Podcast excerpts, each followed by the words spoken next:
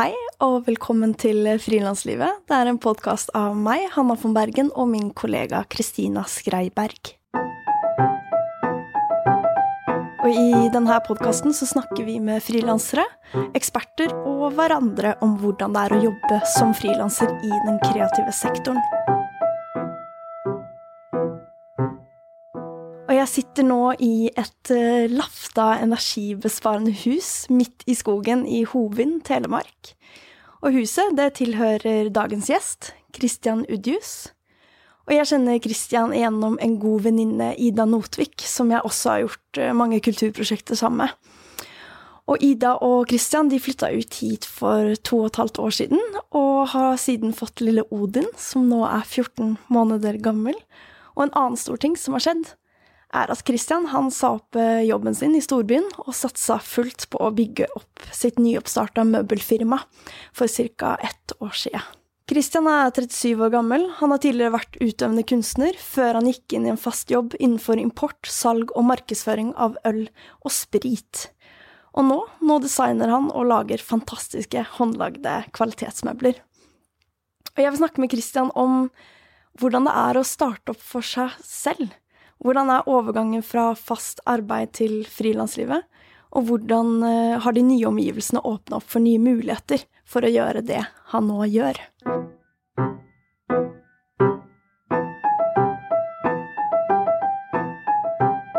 Hei, Kristian. Hei, Anna. Hyggelig at du er med. Takk for det. Hyggelig å få være her uh, i skogen. Hvordan er livet i skogen? Det er uh, fint. Det er det. Stille, rolig. Ja, ja. er det stille og rolig?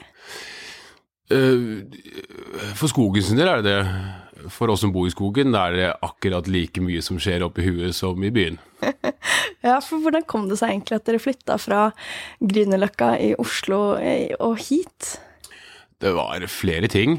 Uh, ja, vi snakket om å kjøpe et sted å bo og kanskje bygge en familie. Eh, vi er veldig, har vært veldig bymennesker. Eh, veldig mange av venner flyttet ut av byen til rekkehus i suburbia. Det tenkte jeg Ida ikke er for oss. Enten bor vi i byen, eller så bor vi på landet. Eh, jeg hadde hatt min karriere, og mm, Ida var nyutdanna, så jeg sa vel til Ida at hvis hun finner drømmejobben eller drømmehuset, så er jeg åpen for de fleste diskusjoner. Så fra å søke fra indre Oslo, så blei hussøket utvida til Lofoten til Lindesnes. Og så kom jeg hjem en dag fra jobb, og så viste Ida meg det huset her, og så kjøpte vi det. Sånn ble det. Mm. For han som har bodd her før, han har bygd huset, og det er et permakulturhus? Det er bygd, bygd rundt permakultur. Eh, filosofien. Eh, så det er eh, relativt eh, økologisk oppstilt. Vi har ikke noe elektrisk varme. Vi får energien fra sol og ved. og komposterer vår e-, egen, eget avfall. Og ja, det er håndlafta hus. Mm. Det er utrolig vakkert når man ser Man våkner opp, og så ser man bare ut på skog. Ja. Og en sånn dal og du ser ingen andre hus. Det er veldig sånn magiske omgivelser. Ja, nei, det var veldig det når vi var og så på huset første gangen, så uh, var det veldig deilig å se på et hus som vi absolutt ikke måtte kjøpe. Vi hadde ikke noe press, vi hadde ingenting, men vi kom opp hit og kjente at pulsen senket seg. Mm. Og det likte vi veldig godt. Så det var veldig mye det roen og det Det er veldig fint her, som uh, trigga oss så ble vi også enige om at er det ikke gøy, så er det bare å selge og flytte tilbake til byen. Ja. ja.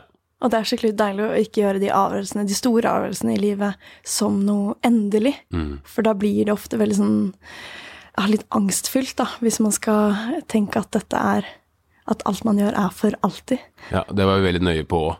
Vi har en stående avtale at den som sier stopp, eh, da stopper vi. Mm. Da gjør vi noe annet.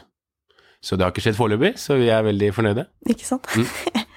du jobba jo i jobben din en, en stund ja. mens du bodde her. Ja. Eh, cirka et år? Et og et halvt år? Ja, ca. ett år, halvannet, ja. Hvordan kom du til avgjørelsen om å på en måte si opp jobben og prøve å, starte for deg sjæl? Det var en veldig trinnvis prosess. Um, jeg har alltid vært veldig glad i trearbeid og møbler. Og når jeg flyttet opp hit, så okkuperte jeg en del av huset og kjøpte meg uh, maskiner og verktøy til å sette opp et uh, verksted med en gang. For det har jeg alltid ønsket meg. Um, så sånn begynte det. Da hadde jeg jo jobb, så jeg kunne betale for disse maskinene. Så det var helt topp. Mm. og så begynte jeg å bygge møbler til huset. Og begynte å hangle litt på jobben. Jeg var utbrent en liten periode. Sliten. Hadde vært i samme, samme type jobb i ti år. Så var det plutselig noen som begynte å bestille møbler. Og så Ja, gangene husker jeg ikke helt. Eh, men når jeg fikk bestilling på møbler, så skjønte jeg at det her eh, var veldig gøy. Eh, folk satte pris på møblene mine. Og jeg hadde det veldig gøy på jobb. Gleden for meg å kunne gå ut i mitt eget verksted og gjøre trearbeidet som jeg syns er helt fantastisk, var en veldig fin prosess for meg. Altså, jeg hadde det veldig fint. Mm. Og har det veldig fint. Jeg fortsetter med det. Og da fikk jeg høre om en, en um, ordning gjennom Nav uh, som heter Hva heter det nå? Etablering av virksomhet. Og så søkte jeg på den, og så fikk jeg da ett år stipend for å utvikle bedriften. Og, og, der er jeg nå. Ikke sant. Og det er en veldig fin ordning, fordi det å gå fra en god, god fulltidsinntekt og på en måte tørre å ta det spranget med å starte opp noe eget er jo veldig mange som sikkert sitter og tenker på, men der er det jo økonomien som ofte er det hva skal man si, akilleshælen. Eh, og det mentale, da, å tørre faktisk å gjøre det. Men uh, gjerne fortell litt om hva, hva krever Nav, og, og hvem er denne ordningen for? Jo, det, altså uh, Her er det jo flere paradokser som kommer inn. Hvis du har en god jobb, så er ikke fallhøyden så stor, for Nav beregner uh, din mm. inntekt fra før av og jeg hadde heldigvis god inntekt. Så jeg er ikke så skadelidende av eh, Selvfølgelig får jeg ikke full, full uttelling hos Nav, men jeg får ganske god støtte, si det er basert på min gamle lønn. Nav, hva de trengte Konkret så trengte de en uh, anbefaling fra Hva heter det Er det Etablerrådet? Ja, jeg vet ikke. Tror, tror jeg det heter. Jeg har heldigvis en veldig, veldig skarp kjæreste som hjelper meg mye. så det er jeg veldig glad for.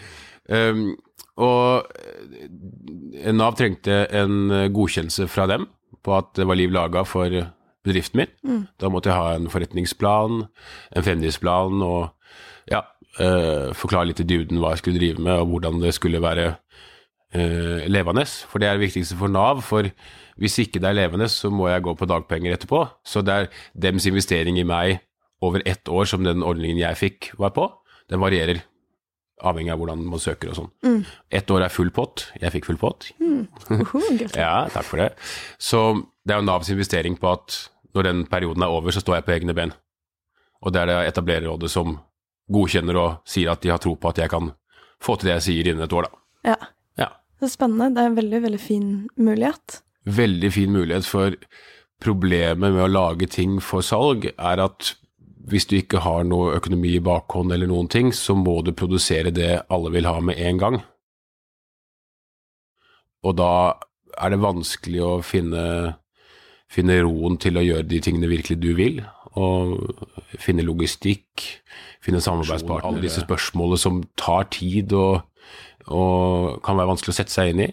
Så da har du det året på å finne din profil, finne din retning og gjøre forarbeidet, sånn at når du må tjene penger, så har du bare å levere produktet du lager, og ikke tenke på alt det rundt. Mm. Så det er veldig deilig.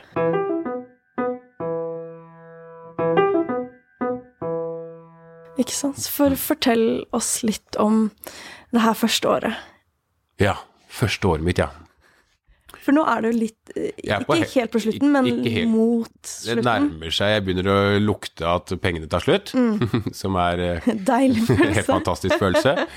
Eh, så jeg har et par måneder igjen. vi satte opp en ganske streng fremdriftsplan. eh, en milepælsplan som gjør at jeg har mål å krysse underveis. Eh, så eh, flere ting med første året, ja.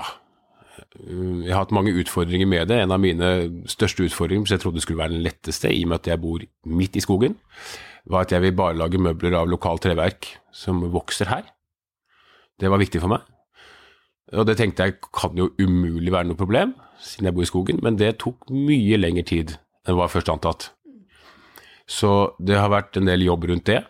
Eh, finne ut av hvordan hele den valsen der går med å få et tre i skogen til å bli et kjøkkenbord. Ja.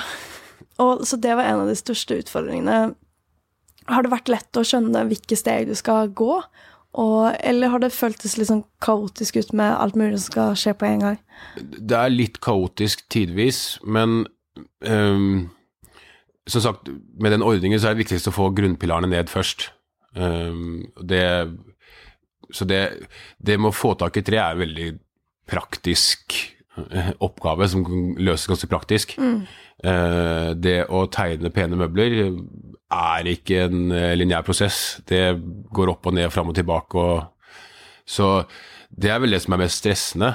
Det å vite at det jeg har tegnet og bygd, holder mål. Eh, Det er jo kjernen av ja, det du driver med, er jo å lage møbler som noen skal ha lyst til å kjøpe. stemmer. Og det er jo ikke en prosess som du kan sette av en uke til, eller to måneder, eller halvt år. Altså, det er en pågående prosess hele tiden, som er veldig spennende. Så det er vel det som har vært det vanskeligste å time. Ja. Når jeg har en idé, skal jeg fullføre den, den, den biten der. Mens alt med økonomi og praktiske ting som verktøy, treverk og samarbeidspartnere, kan du sette deg ned på mandag morgen og sette i gang med. Men å tegne den perfekte stolen, det kan komme når som helst. Det er den klassiske kreative utfordringen, som også er det her å kunne lære seg hvor mye tid skal man sette av til å skape noe. Eh, fordi det ikke, du kan ikke velge mellom 9 og 11 nødvendigvis Nei, mandag morgen. det går dessverre ikke.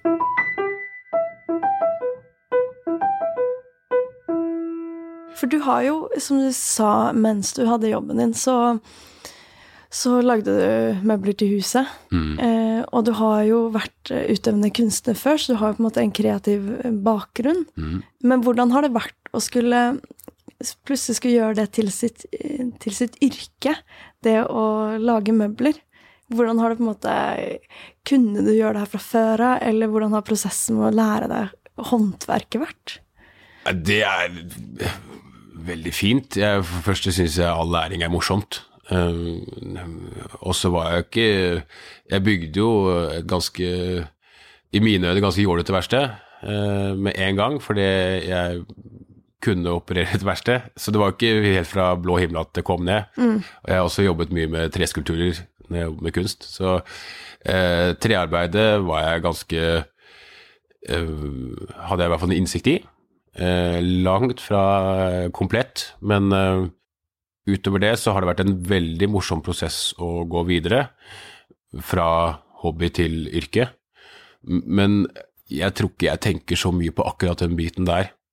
Eh, hva som er jeg, jeg har alltid vært sånn at hvis jeg fyller opp dagen min, så er den bra, på en måte. Altså, jeg, jeg kan ikke eh, Jeg kan ikke defineres av eh, om det er yrke eller hobby. Det, det har vel litt med at jeg har vært, eh, jobbet med billedkunst før.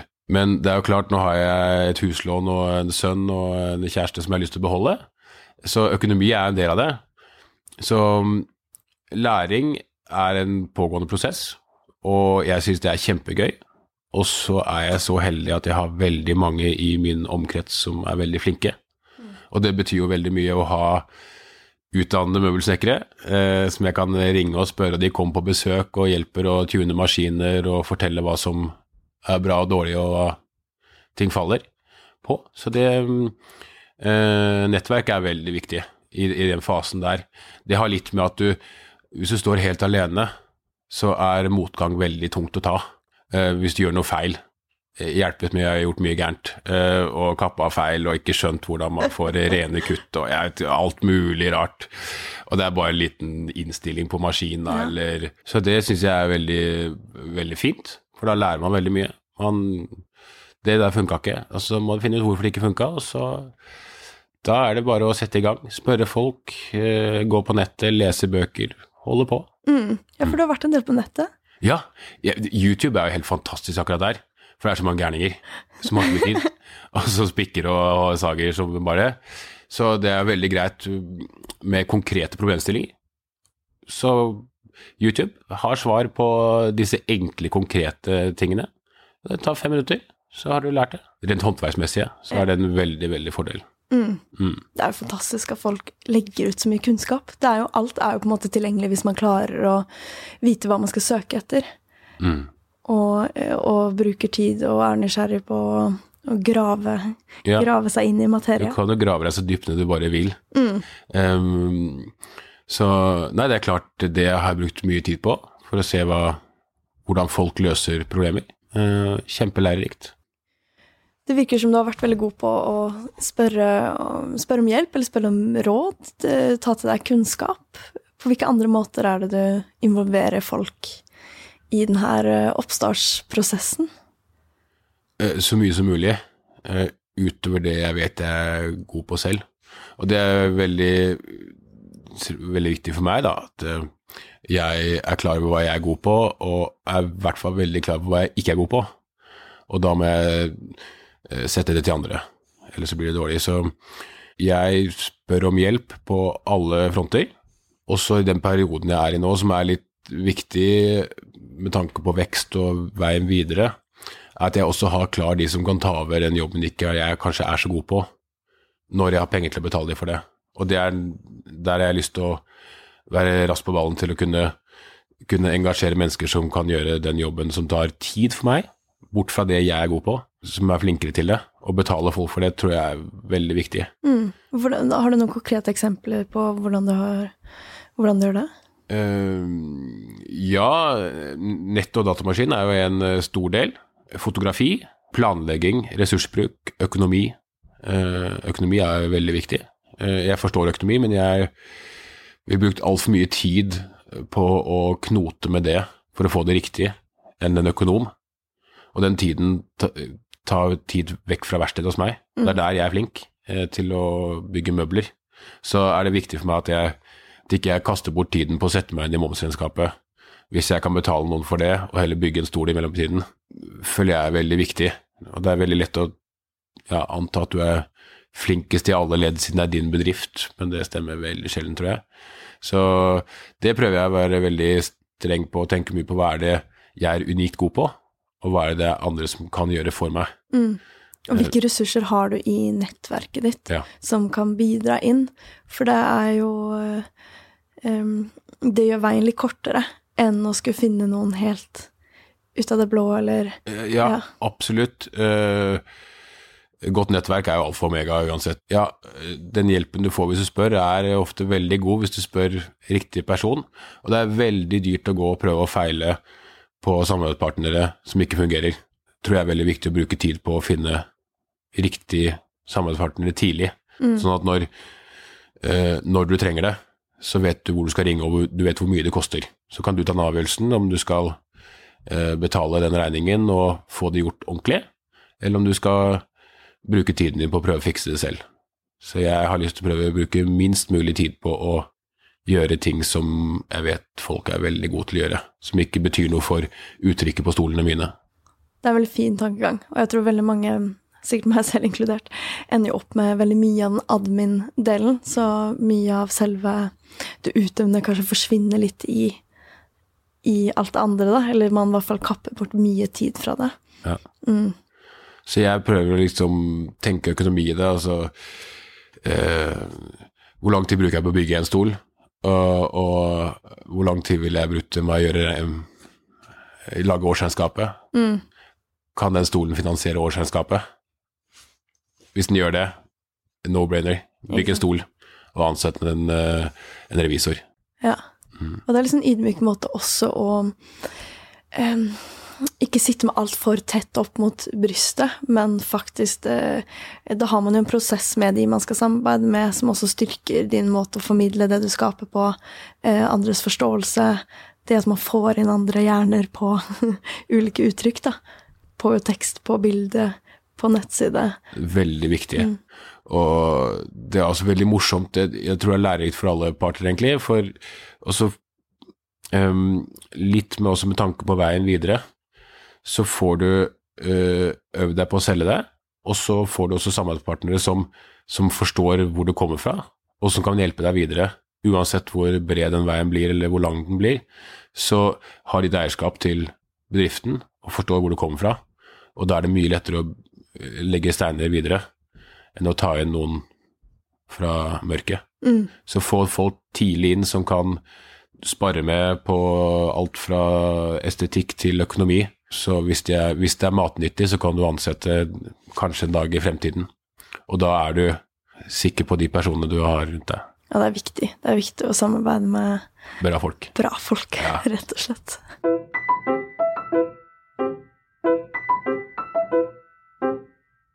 Hvordan vil du beskrive møblene du lager? Oi, det er vel ikke egentlig min jobb, eh, men eh, det er vel mer interessant å høre hva andre definerer det som.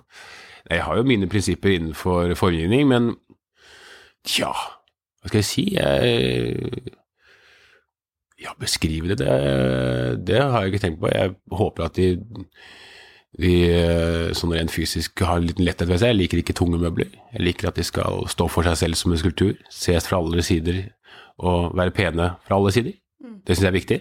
Jeg bruker ikke skruer. Jeg, bare tresammenføyninger. Mm. Mm. Og hvert møbel er fra ett tre. Um, og litt sånne ting, men det har ikke noe med den, det rent estetiske ved møbelet. Ja, men det sier jo fortsatt en del om, om hva som er i møbelet.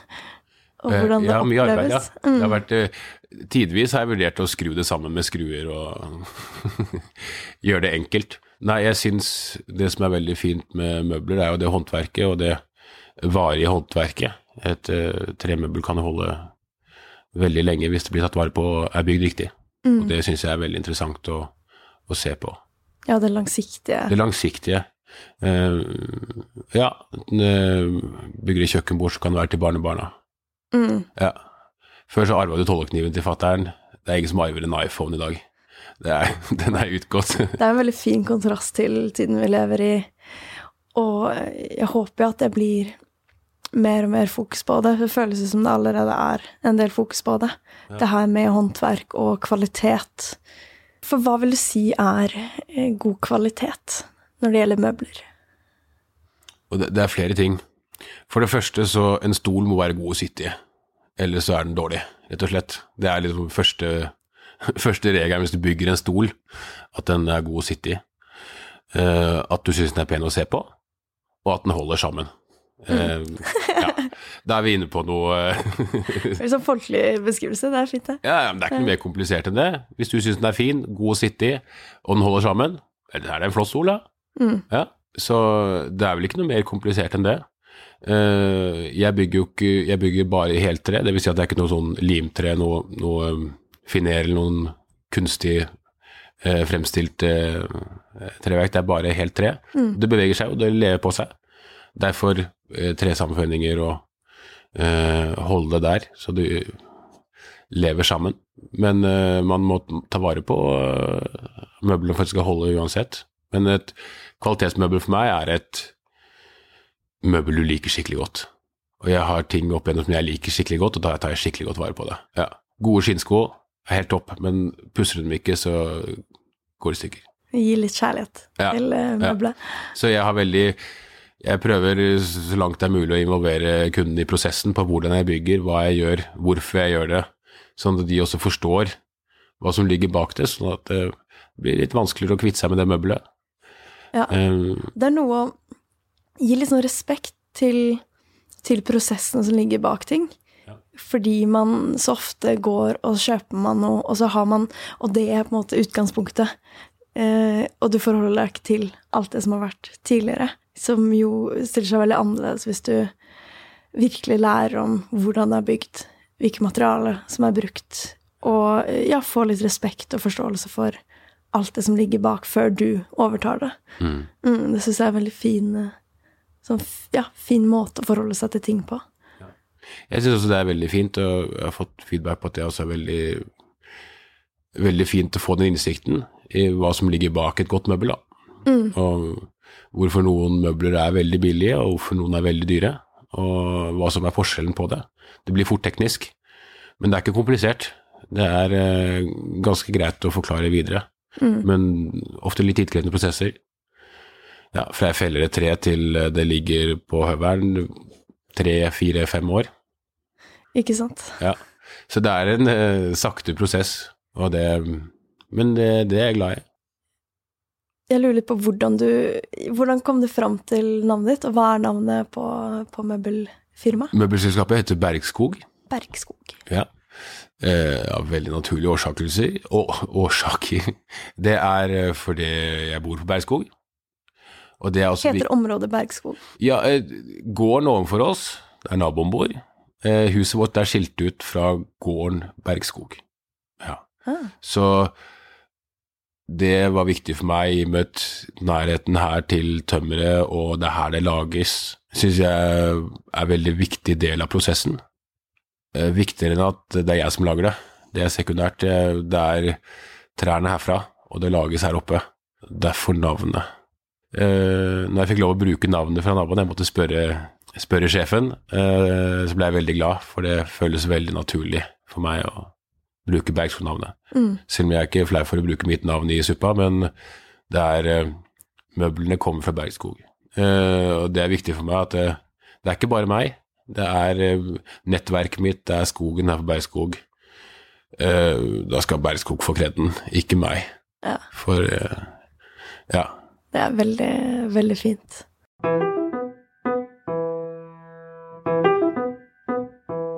Hvordan tror du at um, um, det at du har jobba med kunst og vært utøvende kunstner, har bidratt med det du nå gjør?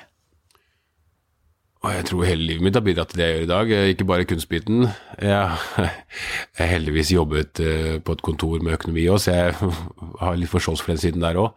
Men eh, det er jo en balansegang hele veien. eh, Men at jeg har drevet med kunst og gjør at jeg har respekt for det estetiske. Og i og med at jeg har jobbet med handel, så har jeg respekt for det økonomiske. Og det er ikke det enten eller noen av delene. Jeg føler at eh, som sagt, godt møbel skal være pent å se på. Det må jeg hele tiden huske. For er det ikke pent å se på, så er det ingen som vil ha det. Mm.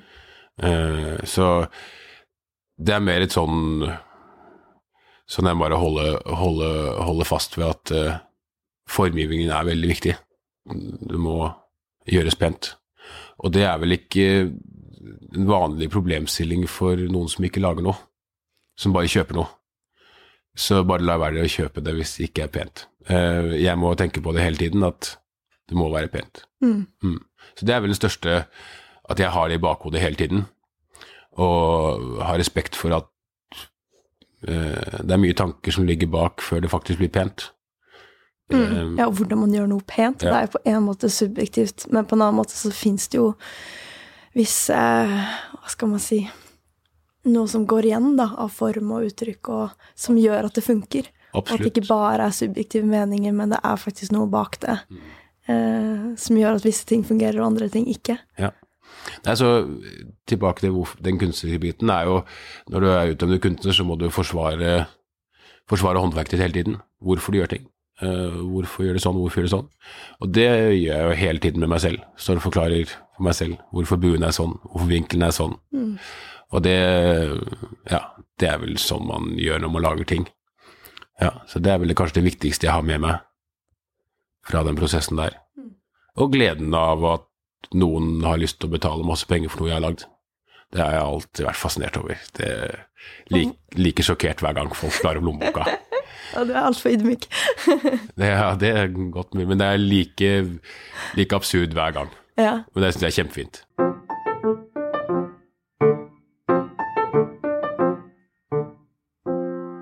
Så det viktigste for meg er å finne ut av hva som gjør at jeg får lyst til å fortsette, hva er det som gjør at jeg har det gøy, hva er det som gjør at jeg er blid. Uh, og det er jo veldig viktig her oppe når det er bare oss tre som bor i skogen. Hvis én er sur, så blir det muggen stemning fort. Så, så ta tiltak som gjør deg blid. Det er liksom kanskje mitt viktigste eh, råd. Da, at liksom, hvis jeg kan si det, at ja, er du blid og gjør ting, så går det ofte bra hvis du har hu huet med deg. Mm. Mm. Og er, jeg syns det er veldig beundringsverdig å For det er så lett å tenke det. Det er så lett å, å tenke det, men det er verre å faktisk eh, teste ut. Og teste ut og ikke ha jobb, men teste ut, ikke bo i byen, teste ut og eh, tørre å ha forandring. Eh, og da Ja, så jeg syns det er en veldig fin måte å se på det. Eh, at man rett og slett ja, men føler på at det her det her funker bedre for meg. Mm. Og hvis de ikke hadde gjort det, så hadde vi forandra det igjen. Ja. Det er sånn prøver vi å tenke hele tiden, at det er alltid mulig å forandre noe. Mm. Og det tror jeg er veldig viktig. Det er ja. Du kan alltid flytte eller dra eller skifte jobb eller skifte yrke eller ja. Det er et valg du alltid har. Ingenting er hugga i stein? Nei, det er veldig lite. Kanskje bare hugga i tre? Ja, meisla. Hva tror du det å bo her har muliggjort eh, annerledes, eller hva tror du det har bidratt med versus det å skulle starte opp det samme i byen? Og det tror jeg er to helt forskjellige verdener. Rent økonomiske så er det helt åpenlyst. Hvis jeg skulle startet i byen, så måtte jeg leid meg et verksted, jeg måtte kjøpt materialer. Du kan ikke gå i Birkelunden og felle trær. Det blir dårlig stemning. Den biten er helt sånn åpenlys for alle som driver med håndverk i Oslo, som trenger et verksted. Det koster penger, og det er en løpende utgift som kommer og kommer. Ja, at jeg, jeg har mitt eget verksted på, i huset eh, har gjort veldig Tilbake til den risikoen, da. Det har ikke vært noe Jeg står ikke gjeld oppover til øra hvis det ikke går. Mm. Eh, så det er én ting. Eh, tilgangen til trær er jo ganske åpenlyst, da. Og så er eh, Det tror jeg ikke er unikt for eh, stedet vi er på, eller i byen eller land, men så mye hjelp man får fra lokalmiljøet, som jeg har satt veldig pris på. Det er jo veldig mange flinke håndverkere som bor her oppe. Uh, veldig mye kunnskap. Får veldig mye hjelp til å ja, finne veien da, og lære underveis, som jeg tror er veldig viktig. Uh, og har vært veldig glad for å få den hjelpen her oppe.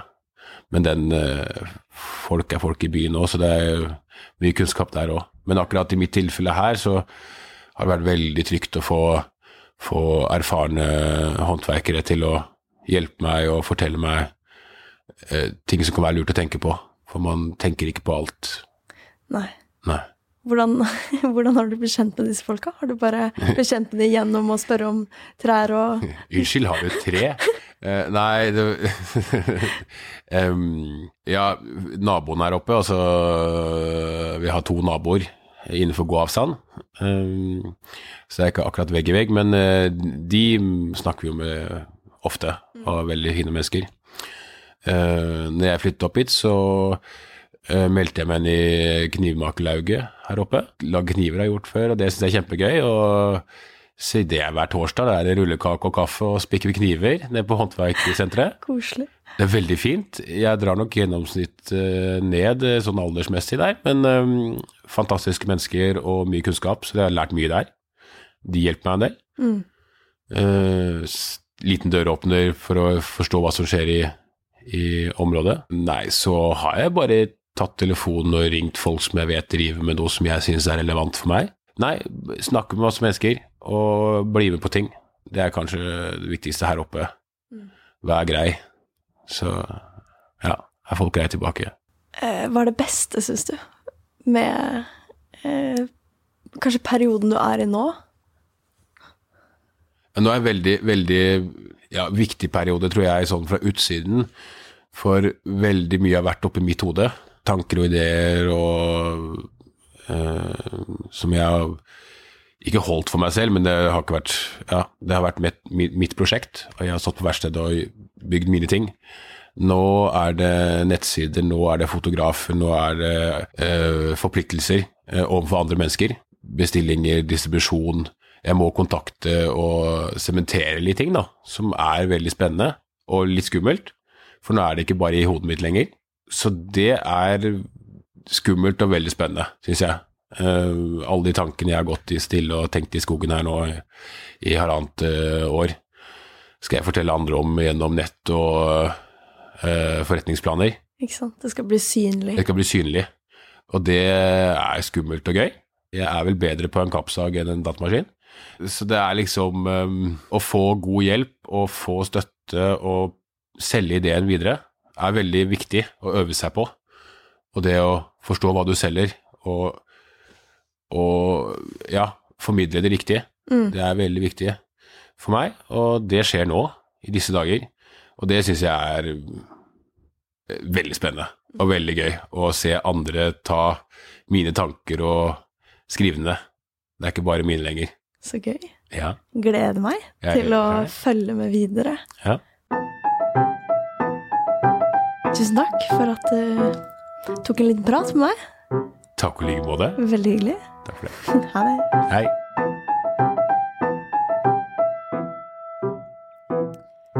Hei. 11. oktober klokken ni så arrangerer eh, vi i Frilanslivet en frilansfrokost. Og der skal vi snakke med pensjonsekspert Knut Dyrehaug om hvordan ståa er når du blir gammel. For hvordan funker det egentlig dette med pensjon og det å være frilanser? Så kom gjerne på Spaces i Tollbugata 8 11. oktober klokken ni på morgenen. Og dette er et samarbeid med Must, Samspillmusikk og Spaces.